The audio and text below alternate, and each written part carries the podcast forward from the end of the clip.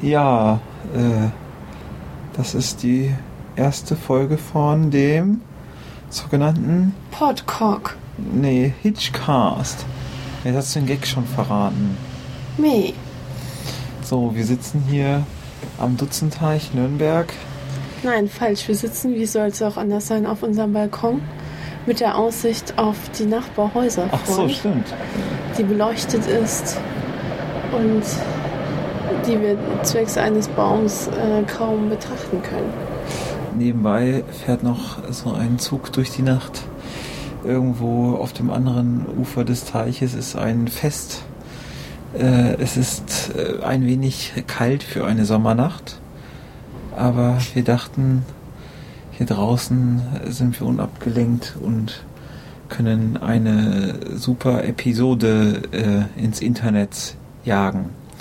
Und zwar ähm, haben wir uns gedacht, wir machen so einen Podcast über Hitchcock und seine Filme. Eigentlich relativ simpel. Wir gucken irgendwie die Filme und äh, sprechen dann darüber. Und das ist alles ganz einfach und easy. Und ähm, wir haben irgendwie unser Projekt äh, angefangen, indem wir gemeint haben, ja, lasst uns doch mal irgendwie alle Hitchcock-Filme gucken. Und dann dachte ich, ach ja, dann lass uns die doch mal auch besprechen danach.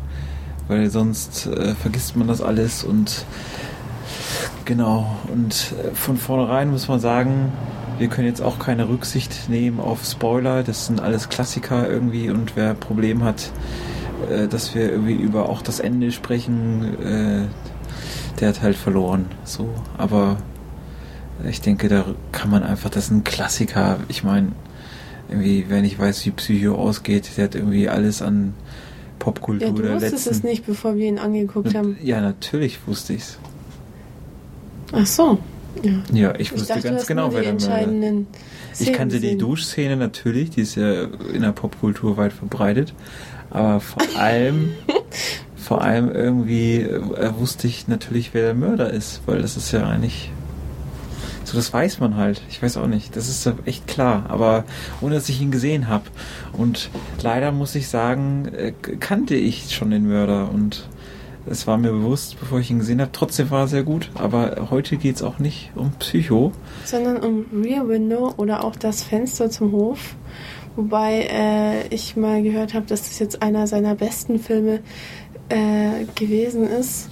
Was jetzt natürlich auch schade ist, dass es jetzt unserer ersten etwas dilettantischen und verkrampften Interviewsituation zum Opfer fällt. Aber ich und aber was ich auch in Erinnerung habe, dass Schüler ähm, sich nur mit Meisterwerken beschäftigen sollen. Das hat meine Deutschlehrerin gesagt, nur das Beste für die Schüler. Und da wir jetzt selbst heute ausprobieren, ähm, haben wir uns ja dieses äh, Stück Filmkunst rausgesucht. Ja, eigentlich war es einfach nur der nächste. Wir haben schon mal ein bisschen angefangen und sind jetzt bei Rear Window gelandet und dachten, ach ja, das, ich meine, selbst irgendwie, wenn man auf IMDb schaut und guckt sich da die, die Ratings an von den Filmen, gilt als einer der besten überhaupt. Also es ist so der, ich weiß nicht, ob es sogar unter den Top 10 ist, der besten Film aller Zeiten, aber ich denke mal so ganz nah dran ist er schon. Und ja, ich, ich, ich meine auch wieder in der Popkultur, das ist ja der Witz irgendwie bei Hitchcock, dass ja so weit verbreitet sind seine Filme, dass die zum Gegenstand jeglicher Popkultur geworden sind. Sei es jetzt irgendwie die Simpsons, die irgendwie eigentlich fast alle seiner Filme irgendwie aufarbeiten. Sei es irgendwelche Musikvideos, irgendwelche anderen Anspielungen. Ich meine, Hitchcock ist halt wirklich der Inbegriff von moderner Kultur und äh, alles, was mit, Fe mit seinen Filmen zu tun hat, ist halt weit verbreitet in jeglicher Hinsicht. So. Deswegen ist das schon jetzt echt so ein Meisterwerk gewesen und ich habe mich echt gefreut, den zu sehen. Aber Ja, ähm, ich dachte, vielleicht fangen wir einfach an mit einer kurzen Zusammenfassung, von okay. der wir ausgehen können. Ähm, ja, also wir, wir sehen diesen Film durch die Augen bzw. das Fenster von Jeff, ähm, also James Stewart, ein ähm, gewissermaßen behinderter äh, Fotograf und Journalist, der, ähm, wie man durch Aufzeichnungen oder ja, Bilder in seiner Wohnung ähm, sieht, kürzlich bei einem Unfall ein gebrochenes Bein irgendwie davon getragen hat und deshalb in seiner Wohnung gefangen ist und ähm, sich vielleicht zunächst dort langweilt, gelangweilt aus dem Fenster guckt und dann aber mit mehr Interesse. Er steht in einer ja ähm, noch ungeklärten Beziehung zu Lisa Fremont, ähm, sprich Grace Kelly, die offensichtlich gerne heiraten möchte und eine, äh, ein, ein Modepüppchen der da damaligen Zeit spielt. Und ähm, ja, er beobachtet dann in einer sehr verregneten, stürmischen Nacht gegenüber, so im Halbschlaf quasi, die, ähm, ja, wie, wie will man es denn, die Vorbereitungen, Nachbereitungen eines soeben geschehenen Mordes. Was aber noch überhaupt nicht klar ist. Er, Ja. Ähm, das Interessante ist halt irgendwie, er ist da halt so gefesselt, er kann halt nichts anderes machen, äh, sich zu beschäftigen, als irgendwie die Nachbar, Nachbarfenster zu ähm, bespitzeln und findet da witzige bis skurrile Szenen vor sich. Du hast halt einmal irgendwie Mrs. Torso, eine Balletttänzerin, die immer in Unterwäsche am Rumtanzen ist und viele Männerbekanntschaften hat. Dann gibt's den, den ewigen Junggesellen, ein, ein äh, Songschreiber, der an seinem Klavier, ja. äh, an seinem Klavier sitzt und nichts anderes tut, als immer ein Lied zu, zu, zu schreiben und zu spielen. Und Dann die vereinsamte Miss Lonely Hearts, Miss Lonely wie Hearts. Jeff sie nennt, die unglücklich in, in der ersten Etage vor sich hin weint, ähm, schon mal trainiert für eventuelle Candlelight Dinner allein am Tisch. Und ähm, ja, ja, mehr will ich noch nicht verraten. Ja, doch, also so- ich glaube, das ist schon. äh, Es ist ja nichts. Das sind eigentlich auch echt skurrile Leute halt irgendwie dabei. Das ist eigentlich ganz witzig. Wichtig ist noch ein, ein äh, frisch verheiratetes Ehepaar, was quasi aus dem Schlafzimmer nicht rauskommt und dadurch immer dieses Rollo runter hat. Was ihm immer sehr so zum Schmunzeln irgendwie bringt. Und ähm, eines äh, es ist eine stürmische Nacht draußen, es regnet und er merkt, wie das Ehepaar, was halt gegenüber immer streitet, was er im Fenster beobachten kann, die Frau scheint wohl behindert zu sein. Oder krank. Oder krank, liegt im Bett, und muss gepflegt muss werden gepflegt normalerweise. werden. Und der Mann, es gibt immer Streit und irgendwie gibt es da immer so Hickhack, aber er kann das halt echt nicht so, weiß halt nicht, worum es geht.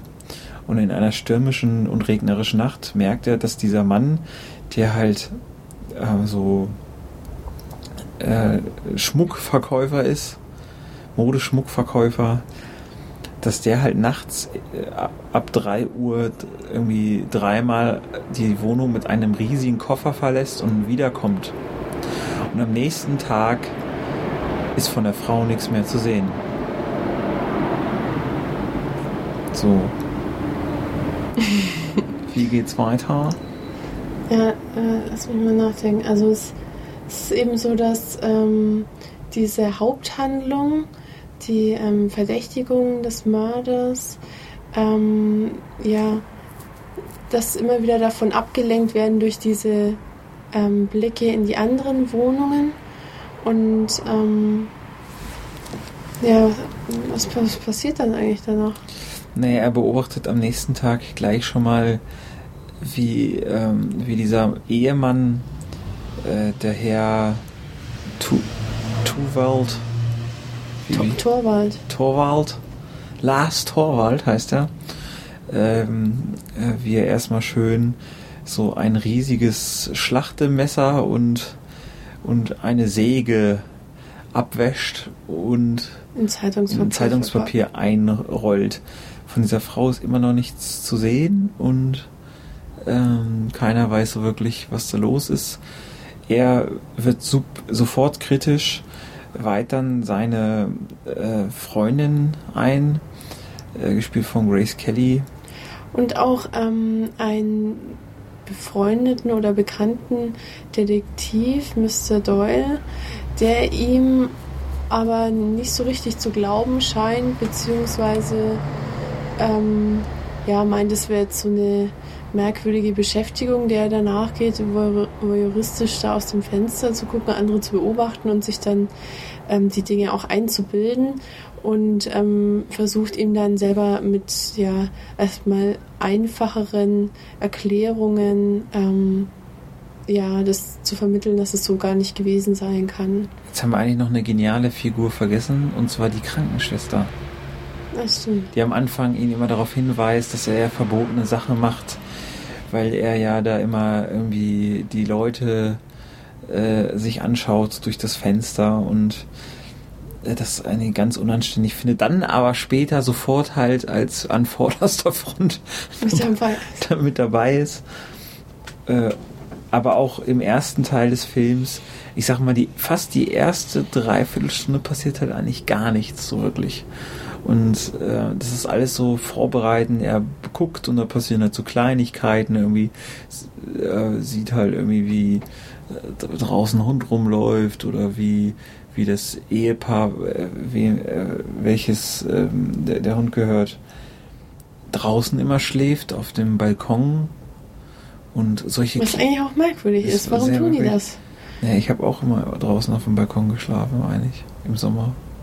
Das ist eigentlich ganz nett ist halt, du kannst halt alles einsehen, aber ich meine, irgendwie ist es halt, wenn es, es spielt ja so ein bisschen in so einer Hitzewelle, das kann ich schon nachvollziehen, nachts draußen zu schlafen. Ich ja. weiß, warum wir nicht auf unserem Balkon schlafen. Es liegt an dieser äh, Tüte hier neben uns mit Mäuschenabfällen aus unserer kleinen Mäusezucht, aber nur am Rande. Ja, die müssen wir mal entsorgen. Ah ja, jedenfalls dieser Hund, das Herzstück ähm, von diesem Ehepaar, die ansonsten anscheinend keine Kinder haben. Und äh, der in einem länglichen Blumenbeet irgendwie vor sich hin schnüffelt öfters und gräbt. Ähm, was ähm, der Torwald dann auch bemerkt. Und nicht so ähm, cool findet. Und ihn letztendlich, äh, ja, zu, zu Tode kommen lässt. Durch einen Genickbruch, was durch einen furchtbaren Schrei irgendwie ähm, erstmal eingeleitet wird. Von der Besitzerin?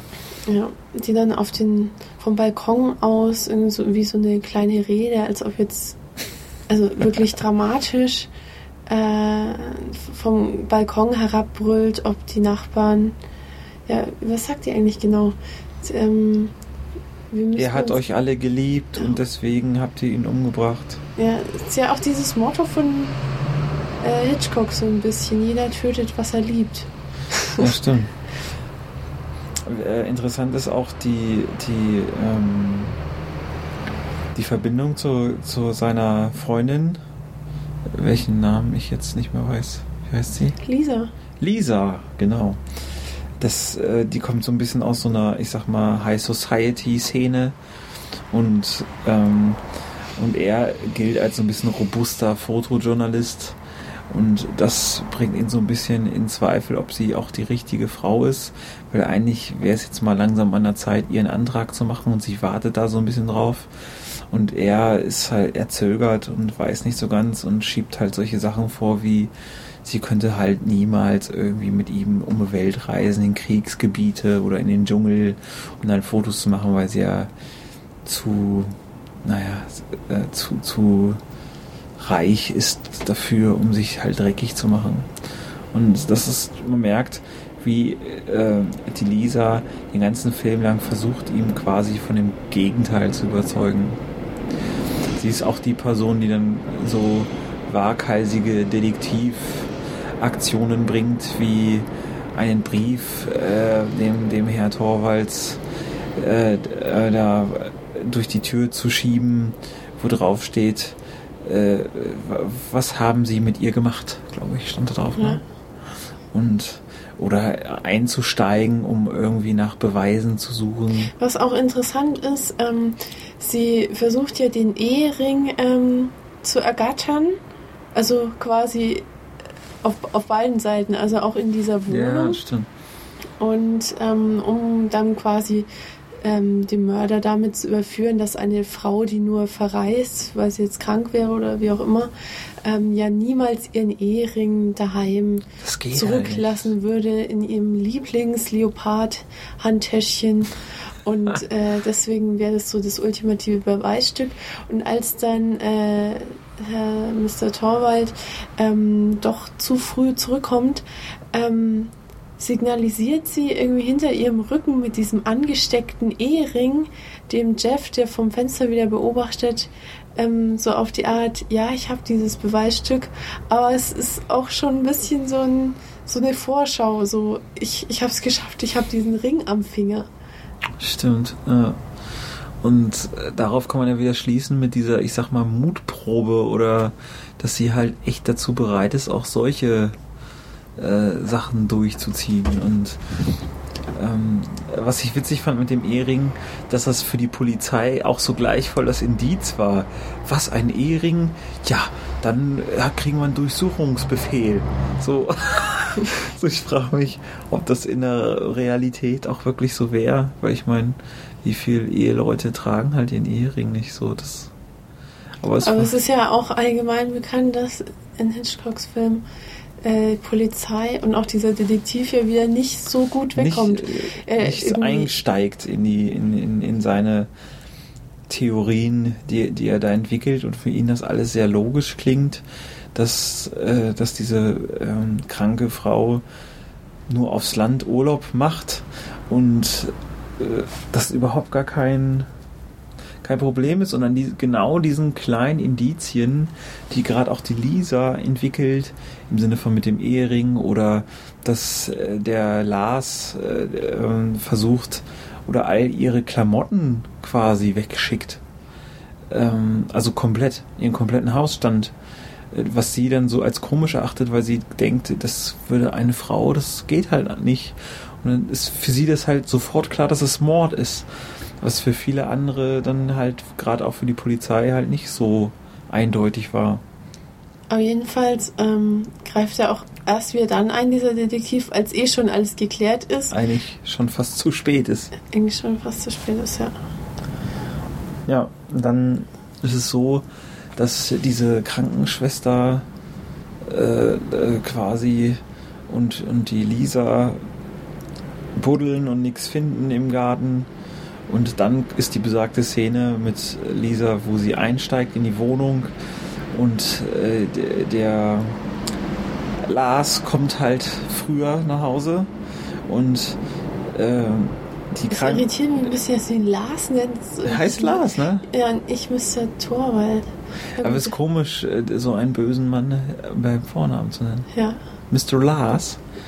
Äh, und es war eigentlich abgemacht, dass der, ähm, äh, na, wie heißt der jetzt nochmal? Jeff. Jeff! Auch ein sehr cooler Name eigentlich. Äh, äh, Jeff sie warnt durch sein Blitzgerät.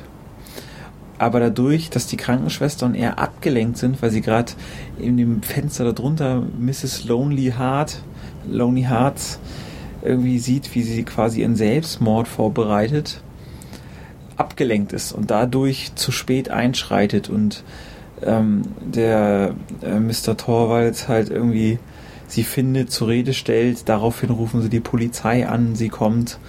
Wahrscheinlich nochmal Glück gehabt. Der hat sie relativ hart angefasst. Ich weiß nicht, wie das ausgegangen wäre.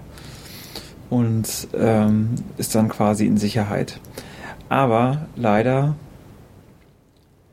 äh, sieht er in dieser Szene dass er beobachtet wird vom anderen Fenster aus. Und zwar, weil er gemerkt hat, dass die Lisa ihm so den Ehering ins Fenster gehalten hat. Ja. So hinter dem Rücken. Und das hat ihn natürlich ein wenig stutzig gemacht. Wieso sollte man das machen? Und sieht ihn hinterm Fenster. Und äh, daraufhin quasi spitzt sich auch alles zu. Äh, wir saßen schlotternd vorm Fernsehen. Irgendwie. Ähm, es ist so, dass dieser Mann natürlich dann ihn beseitigen möchte, den Jeff. Dann ruft er erstmal in dieser Wohnung an und äh, da Jeff ihn dann für den Detektiv hält, der nochmal anrufen wollte, spricht er dann gleich so in, ins Telefon, ja, der Torwalzen macht sich weg. oder wie auch immer heißt Mark Vorwald und äh, verrät sich dadurch und äh, kurz danach ist dann auch äh, zu sehen, äh, wie auf dem Flur das Licht angeht. Ähm, er versucht, also er ist ja wehrlos, hilflos, ähm, kommt da anscheinend äh, an nichts weiter ran als sein Blitzgerät, mit dem er sich dann bewaffnet.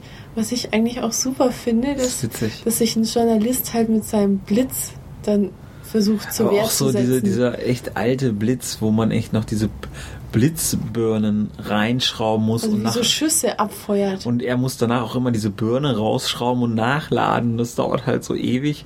Und das ist natürlich Hitchcock wieder super gut gelungen, diesen Effekt darzustellen, wie man sich fühlt, wenn einem volle Kanne ins, in die Augen geblitzt wird.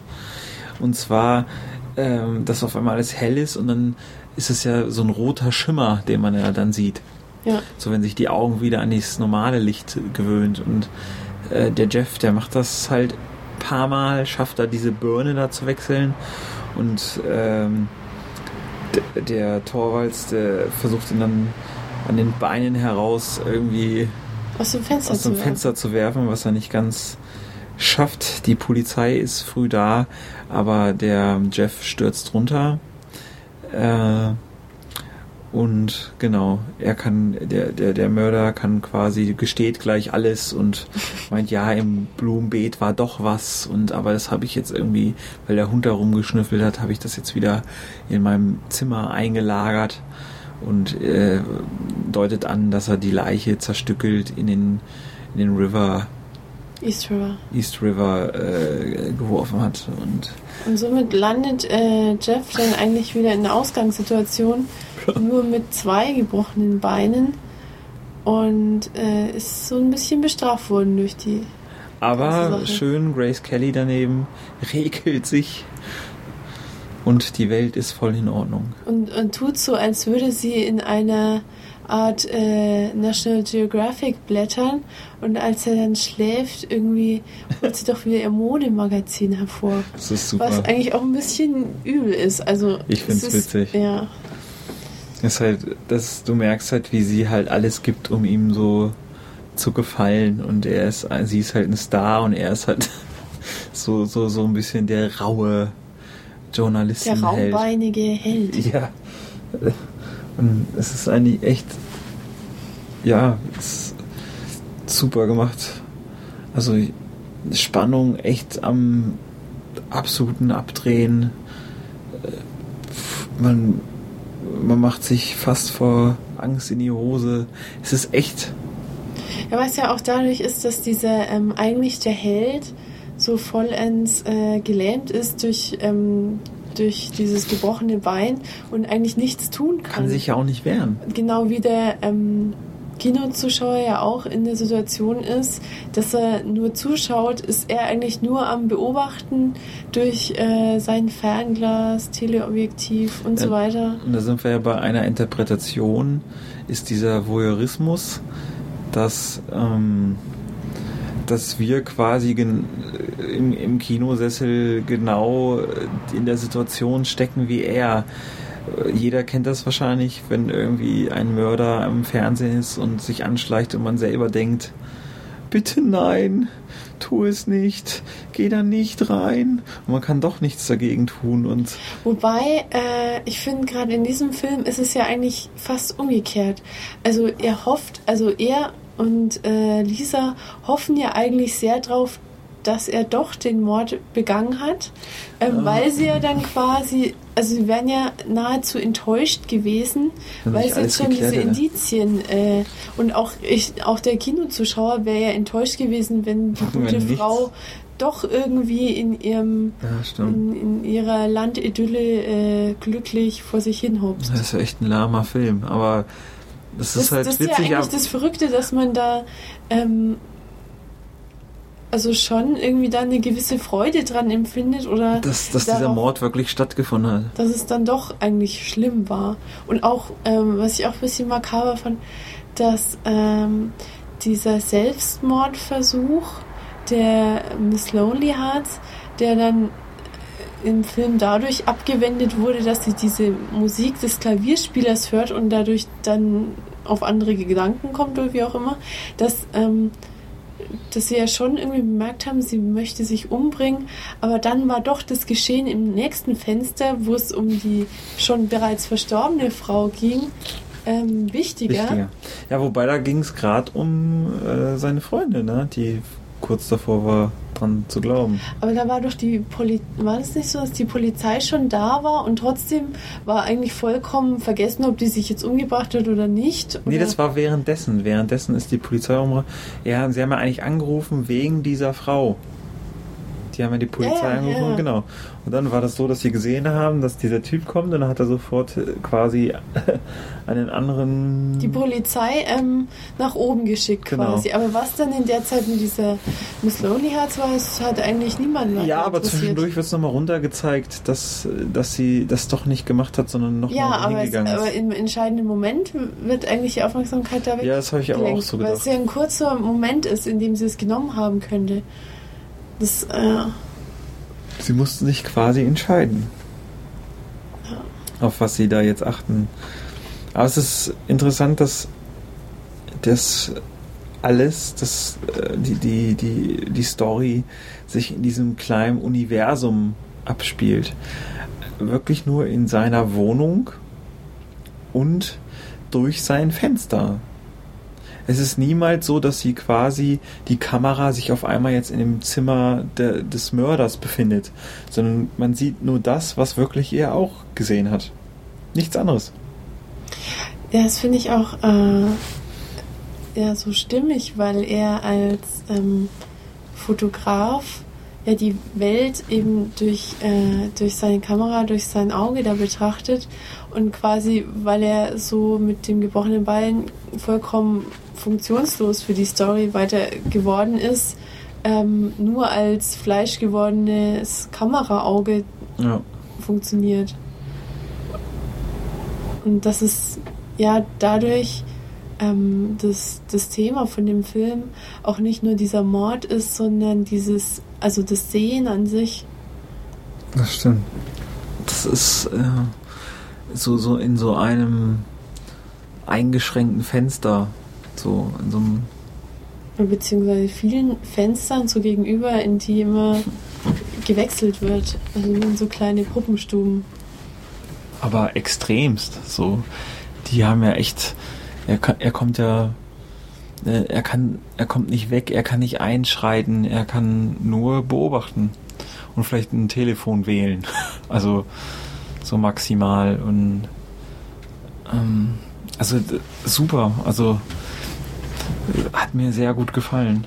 Noch eine Interpretationssache ist auch die Stories, die sich an den anderen, in den anderen Fenstern abgespielt haben, dass, dass die ähm, auf die Beziehung zwischen Jeff und Lisa ähm, gemünzt sind. gemünzt sind. Einerseits hast du diesen ewigen Junggesellen, der irgendwie auch unglücklich ist. Äh, dann hast du irgendwie diese neu verheirateten ähm, wo es auch irgendwie alles so ein bisschen äh, komisch ist. Und dann hat er halt dieses. Inwiefern komisch?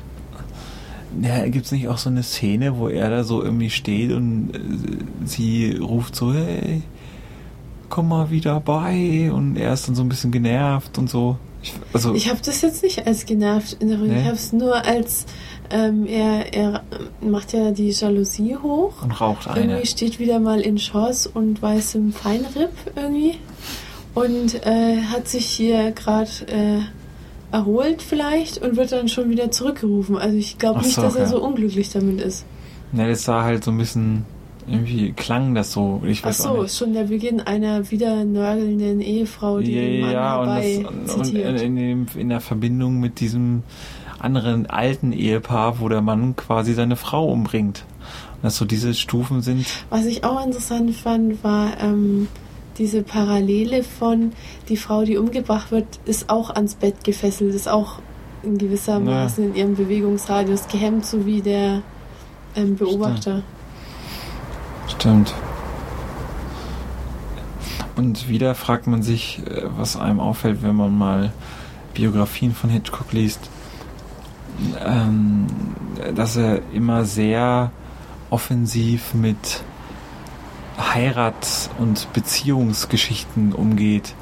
So im Sinne von unglücklich und umbringen und und ihm wird ja immer nachgesagt, dass er kein glücklicher Ehemann war oder ähm, diese seine seine Sicht auf Ehe oder auf seine besonders auch immer in seinen Filmen widerspiegelt. Und was ihm ja auch nachgesagt wird, aber unter Vorbehalt, diese, äh, diese besondere äh, persönliche Liebe zu den schönen Blondinen, die ja auch wieder extra ins Drehbuch reingeschrieben wurde. Ja, aber ich glaube, ja, wir hatten danach noch so ein, so ein von dem äh, ähm, Drehbuchautoren so ein Interview gesehen als Special auf der DVD und dass die Rolle von Grace Kelly, der Lisa, äh, gar nicht in dieser Kurzgeschichte war, die, ähm, die als Vorlage äh, äh Gold irgendwie für den Film. Und dass die Rolle der Grace Kelly extra reingeschrieben worden ist. Aber im Endeffekt muss man sagen, äh, ganz egal, wie das jetzt gemeint war, dass die Rolle hat absolut Sinn gemacht und ja, ich glaube auch, äh, ja, weil es ja auch um diese Beziehung zwischen den beiden so ja. vordergründig geht und es ging um die Beziehung und wie sich das in diesen Fenstern widerspiegelt. Und ich glaube, das ist, das hat schon Sinn gemacht. Und außerdem finde ich es eine sehr sympathische Schauspielerin gewesen. Hat super gespielt. Äh, super. So war witzig auch diese Beziehung so zwischen den beiden, dass er da sich eigentlich trennen wollte. Und dagegen wehrt, und sie und, und, und sie sich so wirklich so voll anstrengt, ihm da irgendwie alles recht ja, zu machen. Ja, aber was ist, also, ja, ist schon ein bisschen auch wieder dieses äh, furchtbare Frauenbild, also dieses unbedingt gefallen wollen, also. Und des einsamen Wolfes in, in Form von Jeff.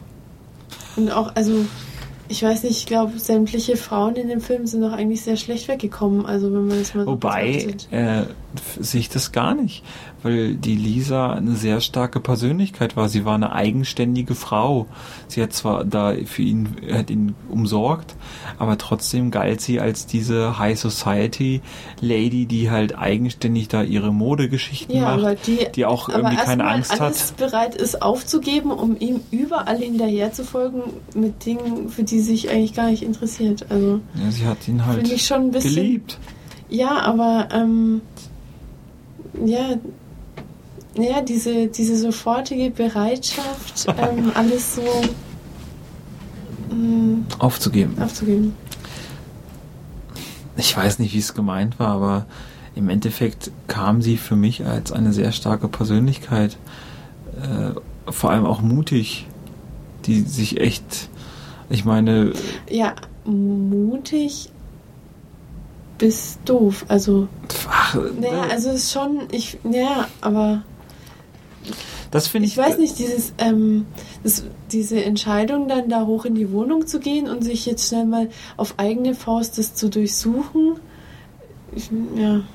Aber trotzdem, was in, wegen, diesem, wegen diesen Blondinen, äh, diesen Blondinen-Theorien, finde ich, dass trotzdem seine weiblichen Hauptdarsteller immer als sehr starke Frauen dargestellt werden. Ich meine, schau dir an, das ist mir besonders aufgefallen in äh, Die Vögel. So. Wie, da, da war die weibliche Hauptrolle auch sehr stark und hat sich da durchgeschlagen und ist da halt irgendwie äh, galt als sehr.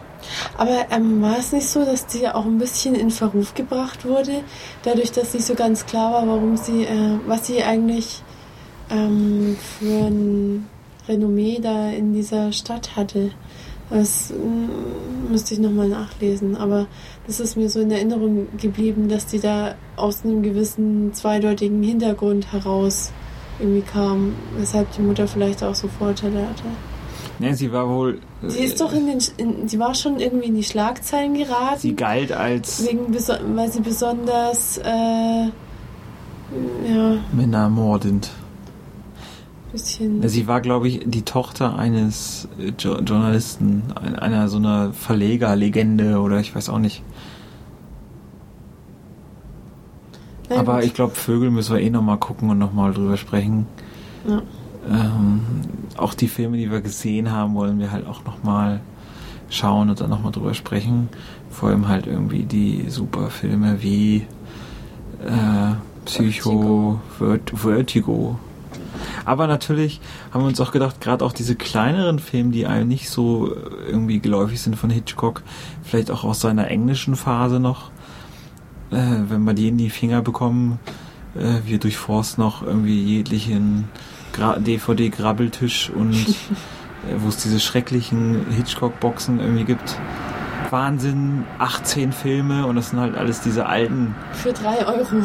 Ja, so, was uns natürlich auch freut, aber ich glaube, äh, eher so ein, da hoffen wir mal, dass die Qualität halt auch irgendwie, dass es anschaubar ist. Und ich denke mal, hier die Bibliothek in Nürnberg ist gut ausgerüstet mit Hitchcock-Filmen. Ich denke mal, wäre mehr fündig. Ähm, ich denke mal, als nächstes ist die Frage, ob wir ähm, äh, den, der unsichtbare Dritte oder ja, mir fehlt noch North by North, Northwest. Ja, das ist der unsichtbare Ach, das ist derselbe, das wusste mhm. ich gar nicht. Dann Aber es ist ja wieder so eine Granate. Das ist ja, ja so die Frage, ob man nicht erst nochmal einen alten nehmen. Welchen haben wir dann gekauft? Berüchtigt. Berüchtigt. Das erstmal berüchtigt schauen und dann der unsichtbare Dritte, dass es nicht gleich so diese Farbfilm, äh, modernen Knaller, ja. äh, Knaller Hollywood-Hits halt irgendwie sind von Hitchcock, sondern vielleicht auch wirklich die, die alten dass man das so ein bisschen mischt. Wir sind super schnell am Ende mit den Hits und dann kommen nur noch diese alten Schinken ran, aber die, auf die ich mich auch wirklich freue. Vor allem auf die Stummfilme, da bin ich echt mal gespannt. Da gibt's ja irgendwie The Lodger und so, das, äh, was eins als einer der größten Filme so gilt und ähm, sein du großer Durchbruch und dann halt auch mehr schwache Filme. Aber davon würde ich mich gerne selbst überzeugen schauen wir mal, wie, an, wie, wie wir an die Filme das einfach kommen. Das klingt jetzt so ein bisschen nach Ausblick und äh, Ende. Ach so, sind wir noch gar nicht durch mit dem Film? Doch. Oder hast du noch was? Ich noch was auf Lager. Also was mir wirklich wieder so... Wo war die Mutter? Wo, ja, die Mutti war ja eigentlich die, äh, die, die Krankenschwester. Krankenschwester. Hm. Es gibt sogar so eine Homepage mit so einer Liste mit starken alten Frauen in Hitchcock-Filmen. Weil in fast jeder Film gibt es so eine Mutti, so die sehr stark ist. Eine böse Mutti. Ja, das ist freigestellt. Es gibt gute Muttis und schlechte Muttis, ne? So psychomäßig. Schlimm. So, und es ist schon. Äh, das, da, da muss man irgendwie. Es ist witzig, diese wiederkehrenden Bilder bei ihnen. Was, was was mir jetzt auch wieder gefallen hat, ist halt, dass alles echt so ein Meisterwerk ist, gerade auch so von der Optik, von den Farben, von, von den Einstellungen. Von den Einstellungen, wie er versucht wirklich mit so filmischen Tricks äh, äh, Leute in Grenzsituationen, das aus deren Augen so darzustellen. Jetzt da wie mit diesen Blitz, Blitzlichten. Diese Blitz Blicke, die dann, ja. Oder halt ganz berühmt ist diese Vertigo-Einstellung, dieses, wie er versucht, ähm, äh, die Höhenangst filmisch darzustellen und er schafft das, indem er auf äh, ähm, irgendwo reinzoomt, aber gleichzeitig sich zurückbewegt mit der Kamera. Und das ist äh, was bis heute irgendwie, das hat Hitchcock halt erfunden. Das finde ich immer cool, wenn er halt so sich solche Sachen ausdenkt und so quasi Standard setzt in der, in der Filmmacherei. Und ich rede jetzt hier wirklich von Meistern und jetzt kein Michael Bay Transformers 96 oder so, sondern irgendwie schon inhaltlich, äh, stilistisch und äh, künstlerisch, dass das alles so passt und stimmt. Und da entdeckt man immer wieder neue Sachen und freut sich halt auch irgendwie darüber. So, ja, also ich bin echt mal gespannt. Ich bin jetzt auch mal gespannt, wie es mit diesem Podcast weiterläuft. Wohin ob, unsere Recherchen uns noch bringen. Was, äh, ob wir das jetzt weiter durchziehen oder ob das jetzt so eine 1er Nullnummer irgendwie ist. Aber ich denke irgendwie, ich, also ich glaube, es ist nicht schlecht, einfach die Filme danach nochmal wirklich so zu besprechen. Ich meine, das, da bleibt alles, dann arbeitet man das einfach nochmal besser auf. So. Genau, und mal schauen, wenn wir die Zeit haben, ob wir diese Woche nochmal einen nachsetzen. Berüchtigt.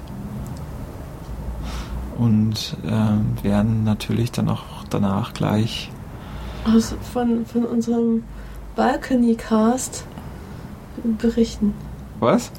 Von unserem Balcony Cast. Ach so, ja. Das ist echt witzig, ist mir gar nicht aufgefallen, aber wir sitzen wirklich hier und haben auf so einem Hinterhof quasi den Stimmt, Ausblick. Das ist eigentlich äh, ganz witzig. Und drüben im Fenster brennt auch so ein merkwürdiges rotes Licht übrigens. Oh nein. Das ist mir schon länger aufgefallen und ich glaube, es blinkt auch. Es könnte eine Kamera sein. Es ist echt. Äh, die Stimmung passt gerade irgendwie. Ich mag es hier auf dem Balkon, gerade wenn es dunkel ist. Die Wolken ziehen vorbei. Jetzt fehlt noch ein äh, gleißender Schrei in der Nacht und dann könnten wir hier abbrechen. Okay, gut. Dann sage ich mal gute Nacht. Gute Nacht.